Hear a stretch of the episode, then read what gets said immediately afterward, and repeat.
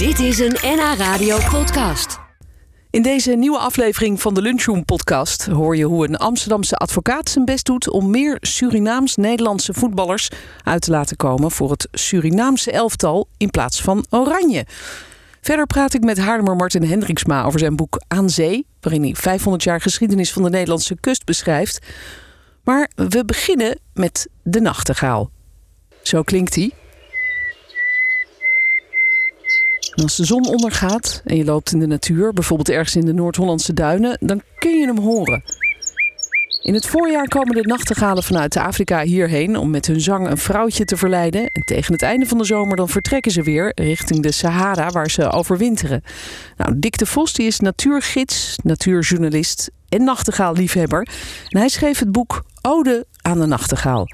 En ik vroeg hem hoeveel nachtegalen hij zelf al in levende lijven gezien heeft. Talloze. eh, elk, eh, elk jaar ja, honderden. Ja? Ja. Ook gezien? Want meestal hoor je ze wel, maar zie je ze niet. Eh, nou, ge- één op de tien keer dat ik ze hoor, zie ik ze wel. Je moet Oh, ja? een beetje zoeken en dan eh, ja, in de, goed in de bosjes kijken. Want ze houden zich ver- verscholen, hè? Daar houden ze van. Ze houden Ja. van, van bosjes met veel stekels... waar ze goed kunnen verstoppen voor predatoren. En daar, van daaruit laten ze die zang horen. Ja. En ze zien er ook vrij onopvallend uit, dus je kan ze zomaar missen, toch? Ze zijn een beetje, beetje ja, bruinig. Beetje bruinig, goede schutkleuren. Het, eh, het mannetje heeft dan nog een hele mooie rode staart. Trouwens, het vrouwtje ook. Maar eh, het mannetje pronkt daarmee om het vrouwtje eh, te, voor zich te winnen. Eh, ja, als je hem ziet, ja, hij is niet lelijk. Mooi groot oog, witte oogring. Ja hoor. Ja, op je boek eh, staat ook een, eh, een heel mooi tekeningetje voorop. Ja. Dit is, is dit hoe die er normaal uitziet? Een beetje een... Ja, dat tekening is, is- is uit de 19e eeuw. Dat, ik vind het een beetje... hij is een beetje dun. Misschien is hij Ja, heel erg vermoeid hier. Hij lijkt een beetje op een musje hier. maar hij is groter dan een mus, toch? Misschien is hij helemaal afgepeigerd door het voeren van zijn jongen of zo. Dat zou zomaar kunnen. Ja. Maar ja, in de 19e eeuw hadden ze nog niet van die, van die goede fototoestellen. Dus Dat is is uit het. het hoofd doen. Moest allemaal uit het hoofd, inderdaad. Waar komt jouw liefde voor, voor dit beestje vandaan? Eh, ja, ook wel uit de literatuur. Eh, ik ben Neerlandicus, literatuurwetenschapper. En er is een heel beroemd gedicht van John Keats, Engelse romantische dichter. Die heet Ode to a Nightingale. En als je dat gedicht eh, leest, het is het meest gebloemleesde gedicht uit de Engelse literatuur. Dus als je Engels hebt gehad, dan staat dat vast ongetwijfeld in je schoolboeken. En dat gaat over eh, ja, de sterfelijkheid. En die, hij zet zijn eigen sterfelijkheid af tegen de onsterfelijkheid, de levenskracht, de vitaliteit van de nachtegaal. Ja, Dat is een heel mooi contrast. Zeker, ja. En dat hoor je ook zo mooi in die zang, hè? Dat, dat energieke, dat vitale. Absoluut. Hoe komt het eigenlijk dat die nachtegaal vooral s'nachts zingt? Ja, Of eigenlijk alleen s'nachts? eigenlijk niet helemaal bekend. Want er zijn heel veel vogels die ook van insecten eh, leven en die s'nachts trekken. Alleen de nachtegaal heeft deze niche gekozen om eh, het vrouwtje te, ehm, te lokken. Ehm, ja, het had, het had net zo- hij had het net zo goed niet kunnen doen. Er zijn ook zeer verwa- verwante soorten die dat niet of veel minder doen. Maar de nachtegaal wel. Dus ja, we weten niet waardoor dat komt. Ja, maar het is wel bedoeld echt als, als lok, eh, lokroep voor de vrouwtjes. Of, of Ja. zingen de vrouwtjes zelf ook? Nee, nou nee, dat, we- dat is nooit ontdekt. Het is niet helemaal uitgesloten, want vrouwtje, vrouwtje, als die heel veel testosteron hebben, dan zou dat best eens kunnen. Maar ik heb het nooit gemerkt. Trouwens, je ziet het ook niet. Je ziet er precies hetzelfde uit. Oh ja? Oh, want vaak is in de vogelwereld toch het, het mannetje het mooiste en het vrouwtje een beetje Ja, saaiig. ja, het mannetje moet het in dit geval hebben van zijn stem. En ehm, hij, hij, een bepaald type eh strofen die hij zingt, dat zijn hele die langgerekte fluittonen. Zijn heel doordringend en die klinken heel ver. En daarmee doet eh, het mannetje een poging om het overtrekkende vrouwtjes voor zich te winnen. Ah, ja. Mannetjes komen een, eh, een week eerder aan dan de vrouwtjes gemiddeld. Ja, want ze, ze overwinteren in Afrika, hè? begreep ik Ja, uit je over de. Sahel, diep, eh, diep in Afrika. Ja. En als een vrouwtje dat dan hoort, zakt ze naar beneden en komt naar de man luisteren. En dan Oh. kiest ze er een paar. En ja, wie het mooiste zingt, die, die, die mag haar eitjes bevruchten. Ah ja, maar die mannetjes zijn al eerder, dus die hebben even tijd om te oefenen op hun zang. Is het ook zo net als bij merels dat ze, eh, hoe ouder ze zijn, hoe meer noten ze op hun zang hebben en hoe meer melodieën ze zingen? Ja, dat is eh, zeker, zeker zo. Uh, koolmees, bijna alle vogels doen dat. Ze worden overigens niet heel oud. Hè. Ehm, de, de meeste mannetjes die we zien, die, die hebben één of twee jaar, zijn één of twee jaar oud. En een mannetje van drie, vier jaar is, is al behoorlijk oud. Maar het is aangetoond dat hoe ouder ze zijn, hoe meer het liedjes te beheersen. Ah ja. En ze stoppen dus eigenlijk pas met zingen als het vrouwtje binnen is? Of, of gaan ze daarna toch nog door? S'nachts uh, zingen de, uh, stoppen ze met zingen als ze het vrouwtje hebben gewonnen. Alleen de mannetjes die je dus nog hoort, hoort zingen s'nachts... dat zijn dus bachelors, ja, overblevende mannetjes... die proberen nog wanhopig, eigenlijk met de moeder wanhoop... een vrouwtje te lokken... Uh, en dat, dat kunnen ze nog best lang volhouden. Tot, uh, nou, tot half juli kun je ze nog wel horen. Maar overdag zingen dus alle mannetjes. Dus ook de mannetjes die wel een vrouwtje hebben gevonden. Oké, okay, dan Zeker zijn begin gewoon, april, of, uh, ja, half april. Nou, dan het miggelt het echt van de nachtegalen, met name in de duinen. Ja. Kennen we duinen, uh, ga er maar naartoe. Elk bosje zit zo'n beetje een nachtegaal. Zo, geweldig. Ja, we krijgen ook al appjes uh, binnen van mensen die ze ook uh, in de buurt hebben. Inderdaad, iemand in Egmond, bijvoorbeeld Egmond aan Zee. Oh ja, ja. Daar zitten ze ook. Ik heb dus zelf een keer zo'n zo'n wandeling gemaakt op zoek naar de nachtegaal met een gids door de, de Kruid, Kruidberg. Daar hebben we er ook heel veel gehoord. Dat was ook heel prachtig. Hoe Ja. is dat eigenlijk als die, die mannetjes eenmaal dat vrouwtje hebben veroverd? Hè? Hoe, hoe gaat het dan verder? Blijven ze dan bij elkaar? Zijn ze een soort monogaam? Of is Ja. het gewoon voor het seizoen en dan... eh, Nee, ze zijn, ze zijn monogaam. Ehm, dat is ehm, eigenlijk wel uitzonderlijk. Ja, het gekke is dat er dus steeds... Dat, kijk, je hoort dus veel mannetjes nog zingen hè, tot, tot half juli. En dat betekent dat die dus nog geen vrouwtje hebben gevonden. Ja. En dus de vraag is, waar blijven die vrouwtjes? Waar zijn die? Nou, het is nooit aangetoond dat één mannetje meerdere vrouwtjes bedient eigenlijk. Dus dat is een, een raadsel. We weten nog niet alles hoe het Nee. zit met de nachtegaal. Nee, er is nog genoeg te ontdekken. Maar je hebt daar wel al een heel mooi boekje over geschreven. Met daarin ook de rol van de nachtegaal in de kunst, in de literatuur, in de muziek. Je hebt allemaal prachtige afbeeldingen ook van schilderijen waar de nachtegaal op voorkomt. Ja, muziekstukken, zelfs postzegels met, met nachtegalen heb je verzameld. Dat is allemaal terug te lezen in jouw Ode aan de Nachtegaal. Straks praat ik verder met Dick de Vos. In het boek beschrijf je niet alleen het uiterlijk en gedrag van de vogel, maar je bent ook de literatuur ingedoken, Dick. Je hebt eh, eh, afbeeldingen verzameld van postzegels eh, met de nachtegaal erop. Je hebt ook allemaal muziekstukken gevonden waarin de nachtegaal, nachtegaal een, een hoofdrol speelt. Muziek van vroeger, maar ook van, van recentere datum. Carole King bijvoorbeeld. Nightingale.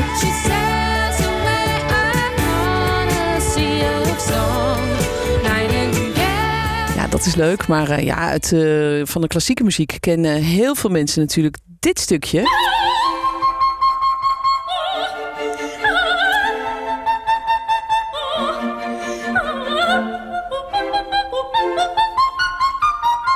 Zo. Ja, de Mozart uh. Zou dat inderdaad gebaseerd zijn op een, een nachtegaal, denk je? Ik vermoed van wel. Het is niet zeker. De Mozart heeft er nooit iets over losgelaten of opgeschreven. Maar ik hoor dit erin. Je Ja. hoort echt die aanzwellende lange tonen. En dan gevolgd door die, die, die staccato, heel hoge zang. Ja, en het beest heet ook nog eens eh, die, die koningin de nacht, hè, de nachtkoningin. Ja, ja. Vroeger dachten ze dat, dat vrouwtjes nachtegalen zongen. Wij weten dat nu dat het anders is, maar vroeger wisten ze dat niet. Dus alles bij elkaar denk ik, ja, dit kan eigenlijk niet anders dan een nachtegaal zijn. Ah, mooi zeg. En, je bent ook de literatuur ingedoken en ontdekte dat er al vanaf de oudheid geschreven wordt over de nachtegaal. Shakespeare deed dat ook. Waar stond de nachtegaal voor in die verhalen? Ja, eh nachtegaal is het symbool voor de liefde. En met name dus de lichamelijke liefde, seks. Eh alle, soor- alle vormen van verboden liefde. Dus overspel, eh jongen en meisje die elkaar niet mochten krijgen... omdat de Romeo families en Julia. ruzie hadden. Romeo en Julia, precies. Dus als een meisje werd uitgenodigd om naar de nachtegaal te luisteren... nou, dan was de boodschap wel eh, niet mis te verstaan. Dan deden ze het in de bosjes. Ja, zoals ja. de nachtegalen dat ook doen Ja. natuurlijk. Dat was een, echt een eh, symbool eigenlijk. Absoluut. Ja. En eh, ik kreeg nog na, nadat het boek uit is eh, gekomen, kreeg ik nog een liederen toegestuurd van ballads, Ierse ballads, waarin dat motief nog steeds voorkomt. Oude volksliederen. Dus ja, het, er, Waarin dan er is- wordt gezongen, eh, is ga je mee... Eh, Ga je mee samen naar de nachtegaal luisteren bijvoorbeeld? Ja, zeker, ja. En eh, de- ik begrijp dat het later, er staat in jouw boek, in de middeleeuwse tijd bij de christenen, dat ze probeerden dat imago een beetje te veranderen.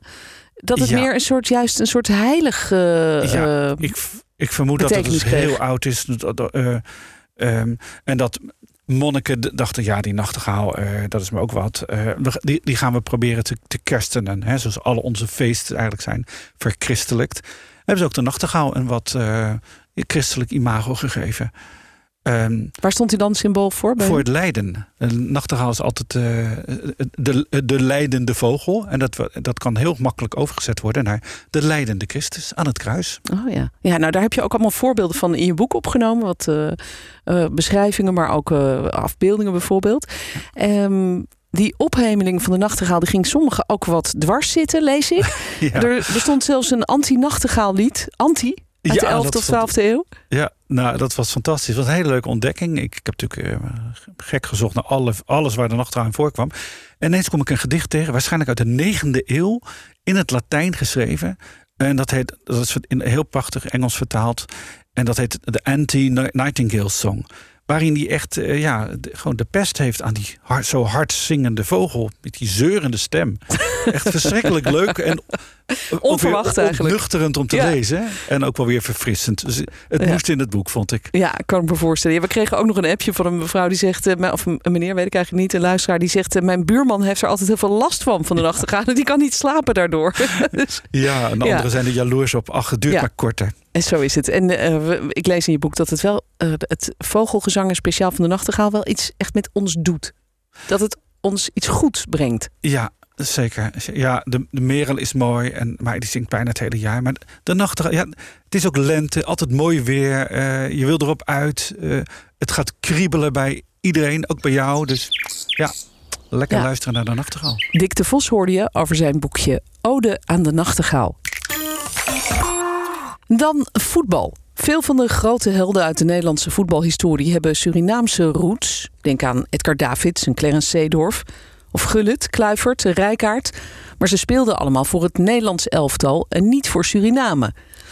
Dat gaat veranderen, want sinds kort kunnen Nederlandse Surinamers een speciaal sportpaspoort krijgen om uit te komen voor Suriname. En het Surinaamse elftal doet er nu alles aan om de selectie te versterken. Ze willen namelijk naar het WK. En ze krijgen daarbij hulp van de stichting Vrienden Voetbal Suriname, waarvan Robert Geerlings de voorzitter is. Hij kwam vanuit Suriname naar Nederland toen hij nog heel jong was. Ik was vier jaar. Oh, heb je Ja. dan nog wel wat actieve herinneringen aan, eh, aan je geboorteland? Nou, niet, niet heel veel van destijds, hè, van, van voor mijn vierde jaar.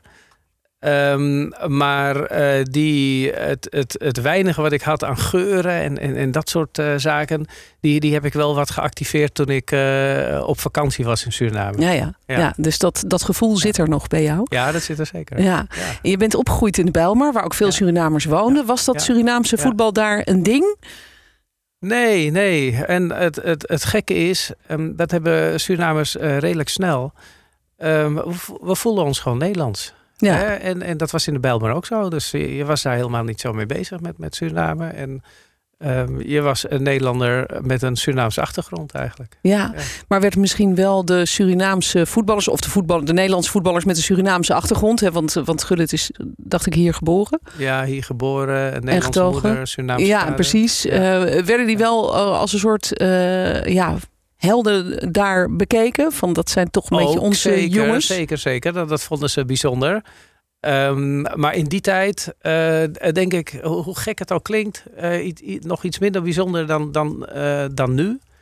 Ehm, en je ziet dat die sentimenten eigenlijk wel aan het groeien zijn. En eh, het- dat men het heel mooi begint te vinden. Wat meer trots. Ja, Ja. ja. dat, eh, een, een, een gevoel van trots. Van jeetje, kijk eens even hoe talentvol eh, of hoeveel talent er uit het land komt. Ja, En eh, zeker hè, met, met ehm, eh, de, de, het project waar de Surinaamse Voetbalbond nu mee bezig is. Om dat Surinaamse nationale elftal te versterken en echt eh, serieus te laten meedoen eh, in, in het internationale voetbal. ja want Ja. hoe zit dat? Het, het, het kon dus voorheen niet. Hè? De, de, de, de spelers zoals, zoals Kluivert en Gullit die gewoon hier geboren waren, die, die konden niet eens voor Suriname uitkomen. Nee, nee. Ehm, dat, dat kan nu wel met een soort sportpaspoort, hè, wat je dan Ja, kunt aanvragen. Ja, nee, dat, dat, dat klopt. Er is eh, nieuwe regelgeving van de FIFA die dat mogelijk maakt. En ehm, eh, dat, dat wil zeggen dat als je een. eh, je kan een Nederlands eh, paspoort hebben, de Nederlandse nationaliteit hebben. Maar als je ouders of grootouders geboren zijn in Suriname, dan is er een mogelijkheid. ehm, daar is een speciale procedure voor bij de FIFA. Om een change of association, zo heet dat. Dus dat je een verandering van voetbalassociatie aanvraagt. Zodat je eh, alsnog voor het Surinaamse nationale elftal kan eh, uitkomen. Zelfs als je al eerder voor een Nederlands vertegenwoordigend elftal hebt, eh, hebt, hebt gevoetbald. Ja, ja, dus dan kun je alsnog de keuze maken om voor Suriname te gaan spelen. Ja, zeker. zeker. Ja, en de, en de stichting waar jij voorzitter van bent, de, de stichting Voetbalvrienden Suriname. Ja. Nee, zeg ik het Vrienden goed? Voetbal Suriname, Ja, Vrienden ja. Voetbal Ja. Suriname, Ja. andersom. Ja. Die zet zich daar ook voor in eigenlijk, Ja. om, om die Nederlandse Ja. Surinamers ja, te laten tekenen bij Suriname. Wa- Wat doen jullie precies? Nou, we doen, doen heel veel verschillende dingen. En ehm, we hebben een, een aantal meetings gehad met, de, met het bestuur van de Surinaamse Voetbalbond. Ehm, met hun voorzitter eh, John Krishnadat. Die heeft ons gevraagd om, eh, om hen te ondersteunen bij eh, toch wel stevige ambities die ze hadden. En dat is plaatsing voor het WK in Qatar. En ehm, als je daar eh, serieus mee wil omgaan, dan ehm, is het niet alleen zo dat je de best mogelijke spelers beschikbaar moet proberen te krijgen voor het, eh, voor het elftal, maar ook de organisatie daaromheen. Hè? Daar, daar zul je naar moeten kijken. En daar houden we ons ook eh, mee bezig vanuit Nederland, omdat er nu waar voorheen het Surinaamse elftal bestond uit jongens uit Suriname, is het zwaartepunt nu verschoven naar Nederland. En zijn het vooral jongens uit Nederland die uitkomen ehm, voor het Surinaamse nationale elftal. Ja, ja dus En, dat, ja. dat wordt dus ook eigenlijk steeds makkelijker. Het wordt steeds makkelijker, maar waar, waar je mee te maken krijgt, is dat het ook kostbaarder wordt. Hè? Want de wedstrijden spelen zich allemaal af in de CONCACAF-regio. dat is Noord-Amerika, Centraal-Amerika en de Caribbean. Dat is zeg maar hè, waar dan het, wat bij ons het EK is, zeg maar, dat is Juist, ja, hè, de- dus voor die regio. Ja, En alleen moeten al die jongens nu gaan reizen vanuit Europa daar naartoe. Dus daar komen sowieso al eh, heel veel extra kosten bij kijken. En een van de, van, van de zaken waar wij ons dan mee bezighouden... is kijken of wij eh, support hier kunnen vinden... In, in de vorm van sponsors of, of partners... die ook op dat onderdeel eh, willen, willen bijdragen. ja. En merk jij dat er inderdaad meer animo is bij eh, Nederlandse Surinamers om, om daar te gaan spelen? Ja, het is Of Surinaamse. Nederlanders, hoe je het wil zeggen. ja, Maar ja. dus met mensen met Surinaamse roots die misschien hier geboren zijn en die dan nu daar mogen gaan nee, spelen. dat, dat, dat merken we zeker. Zeker nu de eerste twee wedstrijden met, met zo'n nieuw ehm, elftal erop zitten. Dat heeft wel enorm veel enthousiasme ehm, opgeleverd. Heel veel losgemaakt. En je ziet ook dat ehm, ook bij eh, jongens die hoopten op oranje... of nog steeds hopen op oranje... dat ja. we merken dat eh, het Surinaamse elftal opeens een serieus alternatief begint te worden. Dat was het voorheen niet.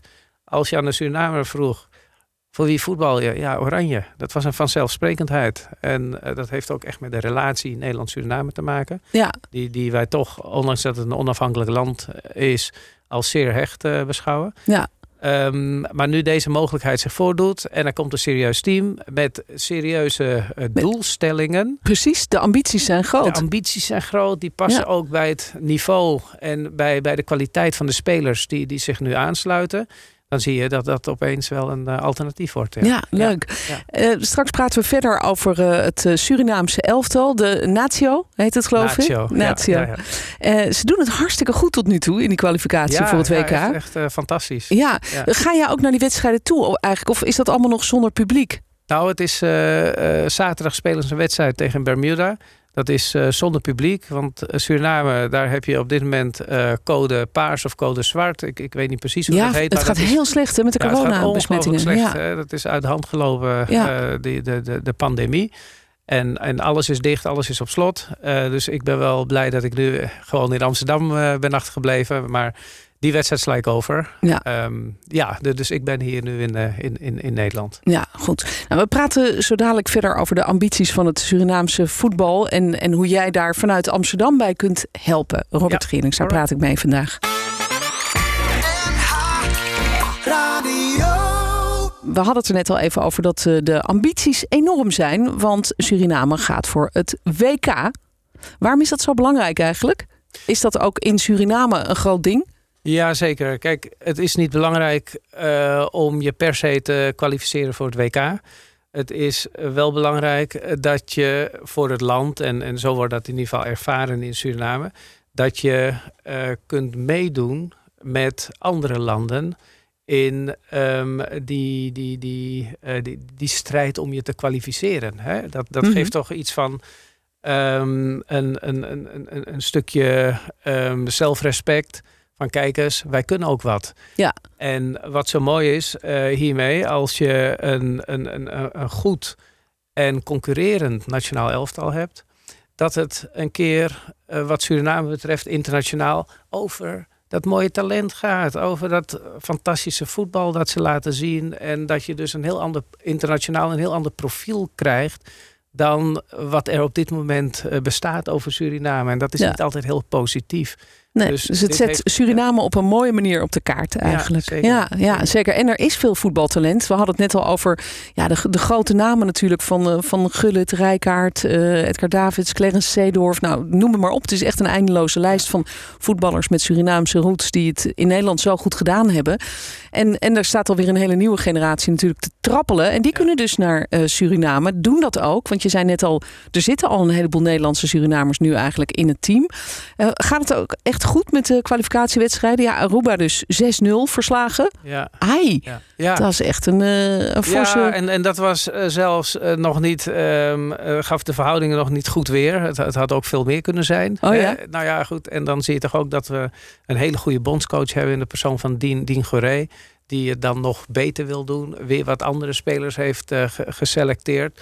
Want ehm, uiteindelijk gaat het om één wedstrijd. Dat is wat in Suriname wordt gezien als de finale. En dat is tegen Canada. En Canada is een serieus voetballa- Ja. voetballand.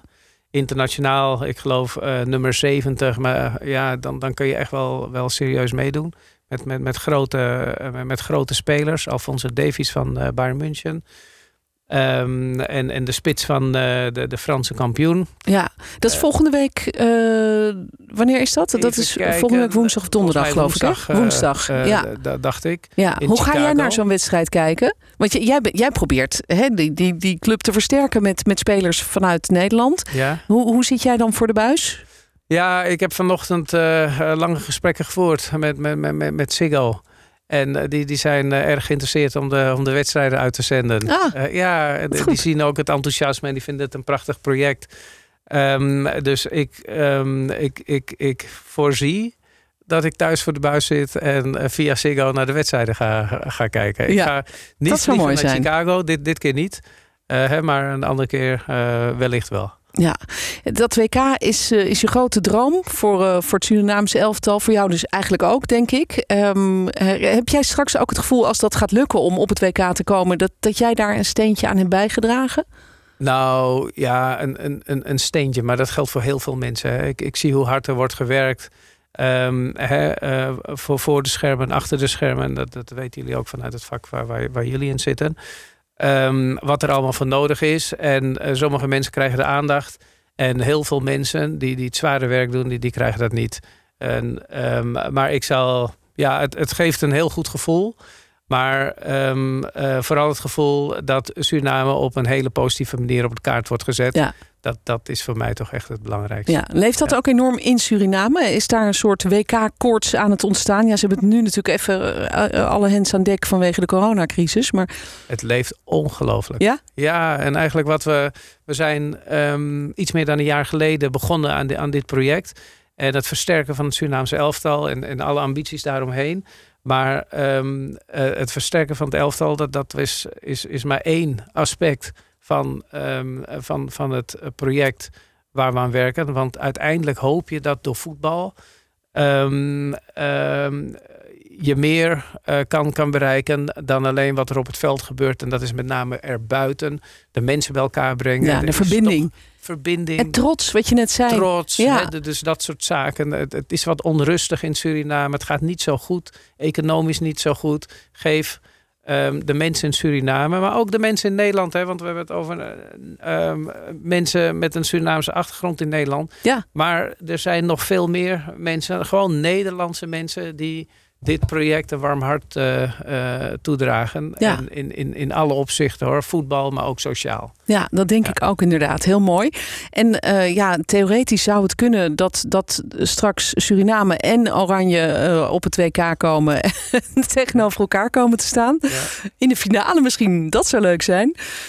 Ja, dat zou fantastisch ja. zijn natuurlijk. Hè? Ja. En dan ga jij nu de, de gewetensvraag stellen van wie ben je dan? dus, Ja, nou, je mag natuurlijk ook gewoon voor allebei zijn, toch? ik, ben echt voor allebei. Kijk, het, Dat zou ik- leuk zijn dan is iedereen Ja. gewoon blij in Nederland, Ja, denk ja, ik. ja zeker. Dus, dus ik kan niet verliezen op dat moment. Nee, nee dat kan ik me voorstellen.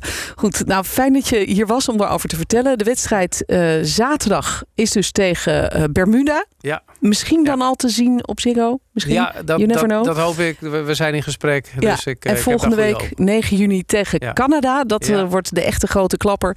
Ik hoop eh, dat ze winnen, dat ze het supergoed gaan doen. Dankjewel dat je hier was. Dankjewel, Patricia. Robert Gierlings hoorde. Hij is voorzitter van de stichting Vrienden Voetbal Suriname. Ze willen naar het WK en ja, tot nu toe gaat het ook hartstikke goed in de kwalificatie. Haarlemmer Martin Hendriksma schreef eerder al een biografie over de rivier de Rijn. En nu heeft hij een chroniek van de kust geschreven. Aan Zee heet het boek. Daarin beschrijft hij de geschiedenis van de Nederlandse kust in de afgelopen 500 jaar. Aan de hand van een aantal bijzondere personages en verhalen. En vertelt hij dat we in de loop van de tijd heel anders naar die kust en het strand zijn gaan kijken. Als het mooi weer is, dan kunnen we niet wachten om ons handdoekje op het warme zand uit te spreiden. Maar vroeger was dat wel anders. Je moest er eigenlijk juist niet zijn. Je woonde er alleen als je bijvoorbeeld visser was... of als je iets anders aan de, aan de zee te doen had. Ja, Maar ja, er waren toen nog geen eh, Gerrit Hiemstra's op de wereld. Dus als er inderdaad op een gegeven moment een soort stormvloed kwam... dan zat je daar als, als ratten in de val. ja, en ook de mensen die daar in de buurt woonden, die, die dachten van nou, zo fijn is het niet om te wonen nee, aan, de, precies. aan de dus kust. het Ja. feit hè, dat, dat men aan de kust eh, eh, relatief veel gelooft... heeft daarmee te maken dat, dat je eigenlijk alleen via een soort kortlijntje met de Heer... kon Oh ja? je daar het leven veroorloven. Want ja, je, was, had vaak door de omstandigheden reddeloos verloren... als de zee weer eens begon te spoken. Ja, daar is een direct lijntje tussen te leggen eigenlijk. Ja. In, in je boek zie ik een eh, foto van jou als klein jongetje op een heel groot strand. Ja, dat moet op een, eh, oh ja, Waddeneiland wou ik zeggen. Dat was op Terschelling. Werd jij ook als kind al blij van het strand om daar te zijn en eh, lekker met een emmertje wat... nou ja, eh, je, je ziet eigenlijk op die foto, hoewel je maar op de rug ziet... zie je eigenlijk de, de, de overrompeling die, die die kleine dreumes ten deel valt. Hè? Als je dan zo die laatste rij duinen doorgestoken bent... en ineens opent die zee zich voor je. En dat is eigenlijk een soort overrompeling die je denk ik nog steeds kunt voelen... als je in Nederland naar het strand gaat. Hè? En dat, dat, dat volgepakte land en dan ben je die laatste rij duinen voorbij... en dan ineens komt er een soort eh, oceanisch gevoel over je van vrijheid... van daar ligt die eindeloze zee en dat strand... en ja, ja, het- het gevoel van vrijheid dat je dan eh, eh, overkomt. Ja, dat is het denk ik inderdaad. Hè. Die vrijheid, de rust. Zeker als je op een waddeneiland zit. Want daar zijn die stranden natuurlijk ook zo idioot groot. Dat is heerlijk. ja. maar dan ben je echt een kwartier bezig om bij de branding te komen. Bij wijze van spreken. Ja, ja dat gevoel voor, eh, voor de zee. Dat is dus bij jou nooit helemaal weggegaan. Toch eh, heb je er verder niet heel veel mee gedaan in je leven. Begrijp ik uit je boek. Nee, En- nou ja, ik, ik ben op een gegeven moment in Haarlem gaan wonen. Dus eigenlijk heel dicht bij zee. Hè? Ja. Maar, maar als je dan een keer op een zomerse dag naar zee wil... dan stond je vaak in de file en dan trof je een overvol strand aan. Dus ik ging dan vaak zo'n beetje zo in de avonturen... als de meute weer naar huis ging. Hè? Dan ging ik juist met mijn gezin naar het strand... een ijsje eten in een strandtent. Ja. Dat was eigenlijk mijn strandgevoel hoofdzakelijk. Ja, nou dat is natuurlijk ook een heerlijke luxe als dat kan. Zeker. toch? Ja. En nu heb je dit mooie boek geschreven, een chroniek van de kust. En daarin eh, ja, vertel je eigenlijk allemaal verhalen uit de geschiedenis van verschillende plekken aan de Nederlandse kust. We gaan van Zuid tot Noord alle Waddeneilanden langs. Eh, maar natuurlijk ook voor een heel groot deel ben je in Noord-Holland geweest. Uiteraard. Dat kan niet anders. Ehm, en in elk hoofdstuk eh, neem je eigenlijk een andere plek onder de loep en duik je de geschiedenis in.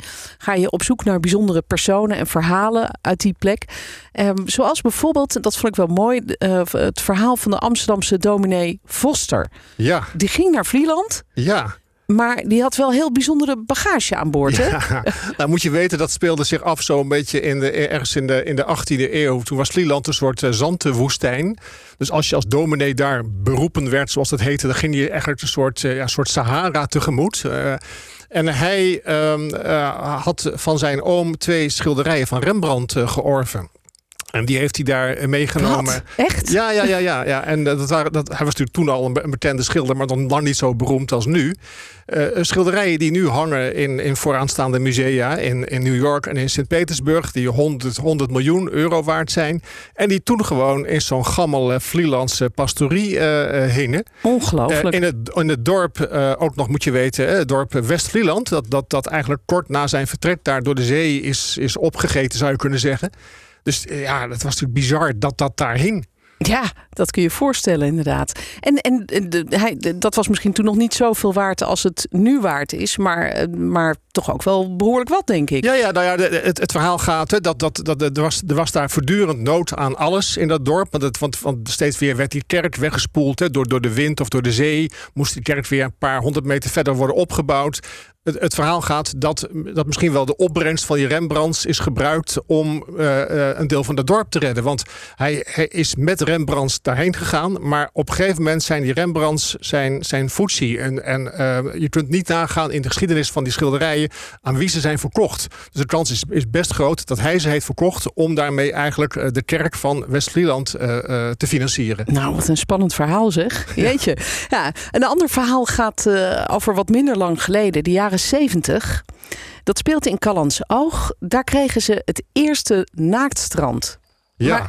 Maar, maar dat ging niet zonder slag of stoot, begrijp ik. Nee, nou ja, men, men, men recreëerde eigenlijk al, al sinds eh, de jaren 30 wel eens naakt op het strand. Maar dan was het allemaal onofficieel. Hè? Dan, had je, dan, dan plaatste je gewoon wat, wat, wat wrakhout tactisch om je heen. En ging je daar in je, in je eentje dan liggen op het strand. eh, een beetje uit het zicht van de anderen. Maar formeel was het verboden. En, en in de jaren 70 waren er twee Amsterdammers die naar Callans Oog gingen. Die daar al jaren kwamen. En die een beetje genoeg kregen van dat heimelijke gedoe. Dus, dus die bleven gewoon daar eh, naakt liggen. Ook toen de politie, die ze al van verre zagen aankomen, natuurlijk eh, eh, daar kwam en zei: Wilt u niet even een broekje aantrekken? Want u bent een overtreding. Nee, dat Ja. weigerden ze. En daar is een rechtszaak van gekomen. En uiteindelijk gaf de rechter die naaktlopers op Oog eh, gelijk. Het, het mocht. Maar ja, toen moest nog wel op een gegeven moment dat naaktstrand worden, eh, officieel worden gedoogd. En moest daar een soort vergunning voor worden afgegeven. En Callans Oog was bang dat alle naaktlopers in Europa, dat waren er volgens hen ongeveer 200.000, dat die in de zomer allemaal naar Callans Oog zouden komen. Want daar mocht je dan als eerste eh, naakt gaan lopen. Ja, Dus de, de, de plaatselijke recreatieondernemers die waren heel bang dat, dat er een soort invasie van, nou ja, van een soort landlopers eigenlijk allemaal naar Callans Oog kwam. zonder Elke kleren. zomer zonder kleren. En, en, en als je geen kleren aan had, had je ook geen portemonnee bij de hand. Hè? Dus dat, Dat speelde natuurlijk dat ook speelde mee. ook een Ja, bela- ja. hele belangrijke rol. Dominee en koopman. Dus, dus, ja. dus er kwam een soort, soort tegenmachtopgang, eh, grote interviews eh, in de Telegraaf. Dat, dat ze dan wel die naaktlopers weer even een broek gingen aanspuiten met verf. Want dat kon toch zomaar niet. oh ja? Is dat ook gebeurd? Nou, er, er- wat wel is gebeurd, een van de eerste naaktlopers, die, die was dus de zee ingegaan. Toen hebben ze eh, al zijn kleren en zijn handdoek weggenomen. Dus toen die arme man weer terugkwam uit de zee, stond hij daar in zijn, naakje op het strand, zonder geld, zonder kleding. En moest hij dus maar weer proberen in het dorp aan een broek te komen. Ja, Ja, ja, ja, dat is allemaal gebeurd. Grappig zeg. Ja, een bijzonder verhaal. En eh, zo zijn er nog veel meer verhalen te lezen in jouw mooie boek. Straks eh, horen we daar nog wat meer over. Bijvoorbeeld ook over Haarlem. Dat ooit een soort luxe badplaats had moeten worden. Zandvoort, ja. Of, eh, sorry, eh, Zandvoort. Ja. En eh, ja, wat natuurlijk uiteindelijk toch niet helemaal gelukt is. Daar horen we zo dadelijk meer over. Dan praat ik verder met Martin Hendriksma over zijn Chroniek van de Kust. Ik praat vandaag met Martin Hendriksma uit Haarlem. Hij schreef een mooi boek over de Nederlandse kust. Met daarin allemaal bijzondere verhalen van de afgelopen 500 jaar. Elk hoofdstuk vertelt eigenlijk zo'n verhaal van, een, van één plek. Er is een, een hoofdstuk over Zandvoort, over Petten. eh, maar ook bijvoorbeeld een hoofdstuk over de vissers van Huisduinen.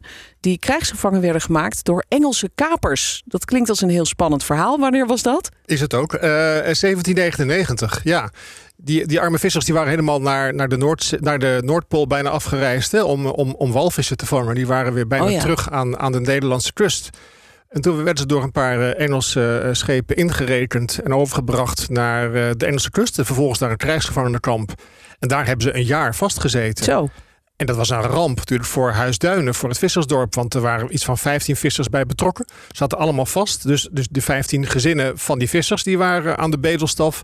En in feite was het hele dorp gewoon eh, overgeleverd aan de zee. En daarmee ook meteen in, in, in armoede gestort. Ja, ik begrijp uit jouw boek dat er een soort, eh, wat we nu een crowdfundingsactie eh, gestart werd. Een, een soort inzameling. Ja, overal in Nederland gingen mensen langs de deuren om, om geld voor de arme huisduiner vissers in te zamelen. In alle, in alle steden, ook in Noord-Holland, in Haarlem en Amsterdam. En ja, dat, dat geld moest dan die arme mensen eigenlijk een jaar door alle zorgen heen helpen. Ja, nou, wat een heftig verhaal. Ehm, het, het hoofdstuk over Zandvoort, dat heet Gevoelige Zaken. Waar gaat dat over? Nou ja, ik woonde, op een, ik woonde op een kwartier fietsen van Zandvoort in Haarlem. Maar ik kende helemaal niets van het, van het verleden. Dat Zandvoort eind de 19e eeuw eigenlijk de meest moderne badplaats van, van Europa eh, was.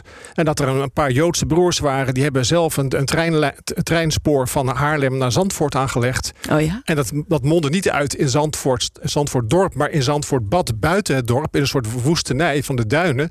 En rondom dat nieuwe station, daar moest dan eh, die meest moderne bladplaats van, van Europa verrijzen. En dat is ook eigenlijk eind eh 19e eeuw gebeurd. Daar, daar vrezen fantastische villa's, eh, badhotels, eh, koerhuizen.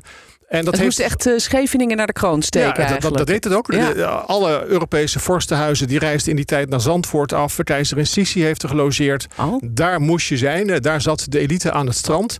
Maar goed, daarna brak Ja, ik, er... ik eh, zag ook een heel mooie eh, foto nog van een soort passage. Ik moet, of een, een, Ja, passage. een- een- met, met allemaal glas en staal. De- Ik moest een beetje denken aan het eh, Crystal Palace. Nou, precies. Daar, daar, daar, daar speelden de hele dag orkestjes. Hè. Er zaten allemaal chique winkels. Dus daar werd je meteen in de juiste sfeer gebracht... als je daar hè, als, als rijke vorst of vorstin aankwam. En, dat, en die, die, die idylle heeft een jaar of 10, 15 bestaan. Toen brak er een economische crisis uit. En toen kwam er, dat is natuurlijk ook een verhaal... toen kwam er een nieuwe eh, tramlijn naar Zandvoort... waardoor ook het gewone volk eh, ineens naar de zee kon. Ja, en toen had de elite er geen zin meer in. Ja, Ja. Als ook het, het klootjesvolk daar, daar eh, op het strand ging liggen... dan maakten zij zich uit de voeten. Dat kun je, Ja. dat kun je begrijpen. Ja, zochten zij weer een ander plekje. Ja. Ja. Je hebt eh, ook het eh, huiveringwekkende verhaal opgeschreven van de kanaalgravers van het Noordzeekanaal Ja. in, eh, in Velzen. Ja, daar, daar hebben we natuurlijk wel eens wat vaker wat over gehoord. Dat ze onder heel zware omstandigheden moesten werken. en ook heel slecht waren gehuisvest. En dat dat allemaal niet zo lekker liep. Maar ik begrijp ook uit jouw boek dat toen dat Noordzeekanaal eindelijk klaar was. Waar zij dus allemaal heel hard aan hadden meegewerkt. Dat ze ja, toen niet echt bepaald in het zonnetje werden gezet. Of betrokken werden bij de feestelijkheden. Je drukt je heel mild uit. Nee, er waren allemaal grote feestelijke braspartijen in Amsterdam. En al die kanaalgravers die vaak jarenlang onder barre omstandigheden hadden gewerkt en gewoond... die kregen één glaasje jenever de man om dat kanaal te vieren. Dat was het. Dat was het. Ah, ja, dramatisch. Ja, Ja, nou, je hebt eh, dit boek geschreven eigenlijk in een paar jaar tijd. Hè? Ja. Je hebt een paar jaar langs de kust gereisd en archieven ingedoken en met mensen gesproken. En na die twee jaar van reizen en schrijven eindigt je boek in Bergen en sluit je af met een beetje een gemengde boodschap eigenlijk. Namelijk, de kust wordt bedreigd, maar er is ook hoop. Wat is de grootste bedreiging voor de Nederlandse kust? nou, is de dat, kust eh, is natuurlijk zo populair. Dat zag je natuurlijk vooral vorig jaar met de coronazomer. Toen werd het zo gigantisch druk aan de kust... dat allerlei burgemeesters ook eh, noodmaatregelen moesten nemen. Eh, de, de leefbaarheid stond, stond ernstig onder druk. Dus daar moet iets gaan veranderen. Nou, misschien dat we ook nog komende zomer eh, last hebben van corona... en dat het dan ook nog weer heel druk wordt aan de kust. Dus daar moet iets gaan veranderen. En ehm, ik werd al meteen na publicatie van mijn boek... door de burgemeester van Zandvoort uitgenodigd. Ehm, want ik schrijf in mijn boek ook over het feit... dat de komende jaren moet elk kustdorp moet een nieuwe omgevingsvisie gaan vaststellen. Een soort plan voor waar het met hun dorp in de toekomst naartoe moet. En dan moet je juist heel erg gaan bezinnen van... hoe willen wij ons nou onderscheiden van de andere eh, dorpen en plaatsen langs de kust? Wat is het unieke van Zandvoort of van Bergen of van andere plaatsen? En je dan je heel erg richten op de toeristen die daar dan bij horen. Ja, ja. Ja, dat je het een beetje spreidt ook misschien. Ja, dat is een goed idee. Be- bedreigingen zijn er genoeg, maar is er ook hoop? Eh, zie jij het wel goed komen? Nou ja, we krijgen, we krijgen ook te maken met, met de stijgende eh, zeespiegel. En dat betekent ook dat we ons strand de komende jaren zullen moeten verbreden. Er komen nieuwe duinen bij. Dat biedt ook mogelijkheden om, eh, om, om nieuwe middelen te creëren voor toeristen. Eh, meer ruimte sowieso. Maar ook nieuwe parkeergarages onder het duin. Dus- dus juist die verbreding van de kust biedt nieuwe mogelijkheden om die kust opnieuw in te richten en naar onze hand te zetten. Ja, nou, heel veel mooie verhalen lezen we elk geval terug eh, in jouw boek van de afgelopen 500 jaar. Aan Zee heet het een chroniek van de kust. Dankjewel Martin dat je hier was. Graag gedaan. En jouw vorige boek eh, over de Rijn, dat werd dus verfilmd als een soort eh, tv-serie met Huub Ja. Stapel. Gaat dat bij deze ook weer gebeuren? Er wordt driftig over gesproken, ja. Haarlemmer Martin Hendriksma hoorde je. Dat was het weer voor deze week. Bedankt voor het luisteren naar onze podcast. Volgende week weer veel meer bijzondere verhalen uit de lunchroom op NH Radio. Dit was een NH Radio podcast. Voor meer, ga naar nhradio.nl. Radio.